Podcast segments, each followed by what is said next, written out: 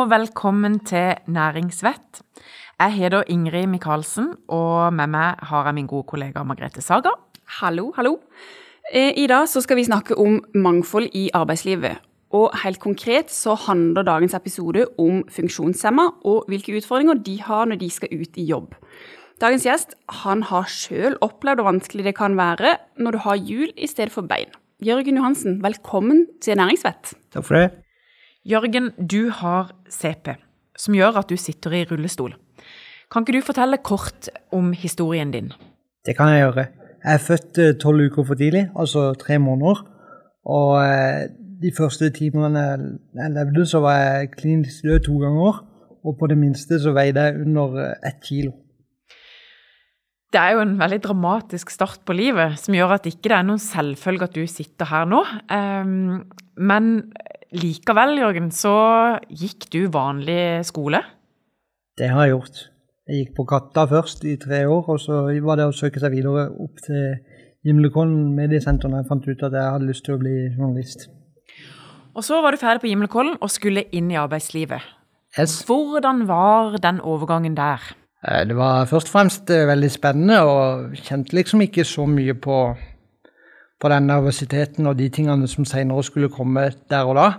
Men eh, erfaringene eh, bygde seg opp etter hvert. Og så var det overgangen med litt sånn Nav og, og rekrutteringshjelp og sånn for å prøve å komme inn noen steder for å se om man får prøve det ut i praksis, da. Ikke bare på utdannelse, men også i arbeidsrelatert sammenheng, da. I Norge i dag så er det 105 000 mennesker med funksjonsnedsettelse som står utenfor arbeidslivet, men som oppgir at de ønsker å jobbe. Og som du sier, så har jo du alltid hatt eh, lyst og hatt et mål om å komme ut i jobb sjøl. Har du noen gang tenkt at det skulle bli vanskelig? Jeg har kanskje tenkt at jeg måtte ha litt ekstra um, tilrettelegging. Det, er så ærlig skal jeg være. Men eh, det er mange andre som trenger veldig mye mer enn det jeg trenger, som kanskje har enda større grunn til å tenke de tankene enn det jeg har. Og det, som jeg kjenner mitt tilfelle og ser på meg sjøl, så er det ikke all verdens tilrettelegging jeg hadde trengt for å fungere som en eh, tilnærmet normal arbeidstaker. Men, men eh, hvis jeg visste noen av de tingene jeg vet i dag, så hadde jeg i hvert fall vurdert å gå en annen vei, eller sett at ting kunne vært annerledes på mange vis, da. Hva er det du vet i dag som, du vil, som gjør det? For eksempel så er det en ordning som Nav drifter som heter funksjonsassistanse. Og det er en ordning som, hvor det er på en måte Nav som eh, Det er Nav som drifter, det er ikke arbeidsgiver sjøl. Så for å ta journalistkarrieren som et eksempel, da, så brukte jeg ofte opptaker på telefonen eh, som når jeg var ute og intervjua folk og traff folk ute. Så var det opptak på telefonen som var det beste. For da kunne jeg gjøre opptaket først, og så klippe og redigere og styre etterpå, sånn at det ble mest mulig sammensatt da, når det skulle skrives og settes sammen. Og det er jo noe som en sånn en type ordning kunne ha hjulpet til, for da hadde han kunne f.eks. sitte på sida eller, mm. eller skrive med en notatblokk for at det skulle gå fort hen, eller at han kunne hjelpe å ta ordentlig gode bilder, eller den type ting, da. Ja. Rett og slett noen ekstra armer og bein? Ja, for at jeg skulle få gjort min jobb best mulig uten å tenke at eh, den funksjonsnedsettelsen var til hinder for, for det, da. Ikke? Det, og dette er noe som, som, Nav kan finansiere, og som da vil bli en vinn-vinn-situasjon både for arbeidsgiver og arbeidstaker? Det er riktig. Og den ordninga, har jeg jo sett i ettertid, da, at det er en veldig lite opplyst eh, ordning som svært få vet om. Og det hadde kanskje hjulpet for situasjonen til ganske mange hvis det var mer opplyst og folk visste mer om hva som ligger i å være funksjonsassistenter. Du har hatt syv ulike plasseringer. Altså du har vært hos syv ulike arbeidsgivere. Ja. Eh, du er jo egentlig eh, journalistutdanna, ja. som du selv nevner. Så jeg, jeg regner jo med at du har testa eh, den bransjen også blant de stedene du har jobba.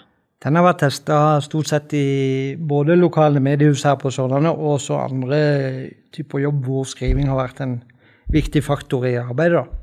Hva gjorde at du eh, ikke ble værende der? Jeg så vel etter hvert at um, Jeg var vel på et punkt der jeg vurderte å gå en annen vei, og dessverre gå inn i den statistikken som Margrethe snakka om i stad, med mange ledige som ønsker å jobbe, men som ser at veien dit er så kronglete og vanskelig at, at man ser seg om etter andre løsninger, selv om man veldig gjerne vil jobbe. Og da er det jo veldig ofte at etter mye utprøving og mye eh, tungt da, for den som skal på en måte prøves ut, så, så ender mange opp i en kø de ikke vil, nemlig på uførelista. Ja, fortell litt om det. Fordi at etter disse syv eh, plasseringene dine, så var det sånn at eh, Nav-rådgiveren sa at kanskje du skulle vurdere uføretrygd? Ja, han var kanskje ikke så direkte, men han sa, han sa at um, vi ser jo hele tida at du har en, har en, iver og en lyst til å jobbe. Og det har, jo jeg vist tydelig gjennom flere, alle de plassene jeg var på, egentlig. da. Eh, men at det var møtte på hindringer enten i den ene eller andre retninga nesten uansett hvor vi var hen. Det føltes i hvert fall sånn. Og på et tidspunkt så blir det tungt å fortelle de samme tingene om og om igjen. Og på en måte være et halvt år der, et halvt år der, tre måneder der. Og så bytte rundt igjen. Det er ikke noen som hadde likt det, vil jeg forestille meg sjøl, da. Så jeg begynte vel å tenke i de retningene at det, For på den tida så gikk jeg på arbeidsavklaringspenger på Nav gjennom praksisløpet da, og de forskjellige utplasseringene. Og det ligger en større økonomisk gevinst i uføretrygd, men likevel så ønsker svært få i hvert fall å bli, bli uføre av årsaker som gjør at de egentlig hadde kunnet jobbe hvis de bare hadde fått litt hjelp på veien i rett retning. da. Så jeg, det begynte vel å gå mot en uføretrygd for meg også, og fikk for så vidt innvilga det etter å ha kjempa en stund for det sjøl. Og, og hvor gammel var du da? Åh, begynner å bli gammel nå. Jeg er 30 år til sommeren. Så det er vel i hvert fall en øh, si fem år nå, da. At det gikk fra å være det punktet at eh, jeg på en måte så at Begynte å se etter en annen utvei, da, i form av at jeg hadde forsøkt lenge gjennom arbeidspraksiser og sånne ting. da. Så midt i 20-årene så vurderte du altså Eller da, da, da søkte du om uføretrygd? Ja. Og det er jo dette som er altså, bakteppet, som gjør at vi ønsker å bore litt i dette temaet. For det, det eh, som er synd, er hvis det er mennesker som ønsker å jobbe, og som har evne til det, ikke finner sin plass i det ordinære arbeidslivet. Sant? Og det man òg ser, er at seks av ti arbeidsgivere de er enig i at virksomheter kan gå glipp av verdifull kompetanse dersom de ikke ansetter personer med funksjonsnedsettelser. Allikevel, da, samtidig så er det kun 14 av arbeidsgivere som svarer at de har konkrete planer om å rekruttere flere med nedsatt funksjonsevne. Så her er det en mismatch. Og da tenker jeg ingen sier det på så god kompetanse som deg, som har testa så mange ulike arbeidsgivere, Jørgen. I ditt, jeg vet du sier du blir gammel når du blir 30, men det er et forholdsvis ganske ungt liv ennå. Hvis du skal trekke fram noen eksempler på arbeidsgivere du har vært hos som har gjort dette som har gjort noe bra, som har møtt deg på en god måte, hvor ikke du har kjent på at du er en, en merkostnad eller en, en, en, slags belastning for arbeidsgiver, men at du har kjent ok, her har jeg blitt møtt på en god måte. Kan du nevne noen eksempler? Jeg trivdes veldig godt på to steder spesielt. da. På, jeg har vært på både NRK Sørlandet, eh, når de var på Tangen riktignok, da. Der er de jo ikke i dag. Og så var jeg også hos Fylkesmannen i Vest-Agder og jobba der. Og det var På NRK Sørlandet så var det jo journalistarbeid, ren journalist, men på Fylkesmannen så var det litt mer sånn type informasjonsarbeid. Da var det litt mer enn bare å være journalist og reiste rundt i distriktet og var med på arrangementer og litt forskjellig sånn. Og der tror jeg at hvis jeg hadde visst det jeg vet i dag om den funksjonsassistanseordninga, så hadde jeg vært, om ikke i full jobb, så i hvert fall i et mer ordinært arbeidsforhold enn det jeg endte med. Hva var det som gjorde at du trivdes så godt hos de?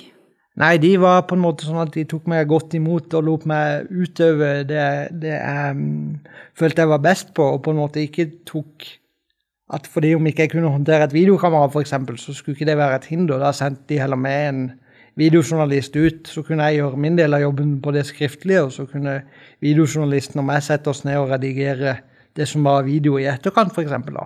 Så at vi hele tida hadde et samarbeid om å hva det endelige resultatet skulle bli, og at vi begge var fornøyd med det, selv om vi hadde hatt to ulike roller da, ute. Så din, kall det, annerledeshet ble ikke noe du hele tida ble påminnet om? Altså det, det bare glei sømløst? Ja. ja. Det var sånn det var. Men jeg Jørgen, klarer å ikke slippe det du sier med at det fins en ordning i Nav, som du sier nå. Hadde jeg vært klar over det, så kunne jeg vært vært hos en av de arbeidsgiverne der fremdeles. Vi kan jo ikke ha det sånn. Nei. Og det er derfor jeg håper at dette, dette, er noe av det som skal være med på å lyse opp da, om den ordninga, og at den finnes der ute. Men la oss gjenta den ordninga i Nav som du tenker må fortelles mer om. Ja. Hva heter det? Det heter funksjonsassistanse. Ofte så er det forkorta med Funkas. Og det er, det er en ordning som Nav, Nav drifter.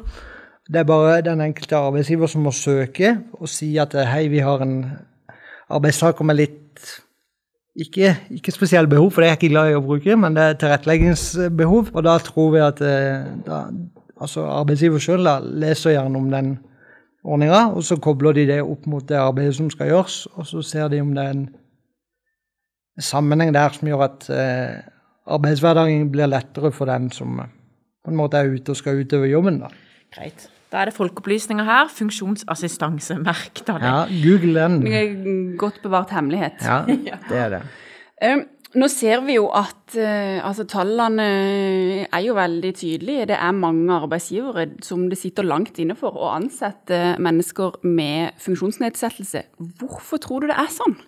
Jeg tror de føler på det som er et mye større ansvar enn det det trenger å være. Veldig mange uh, hadde løst mange forskjellige arbeidshverdager med svært lite tilrettelegging. Men uh, det er jo sånn at uh, både i presse og alt, så det er jo jeg kjent med, fordi jeg vil jo bli journalist i bunn, så er det de negative sakene som kommer fram.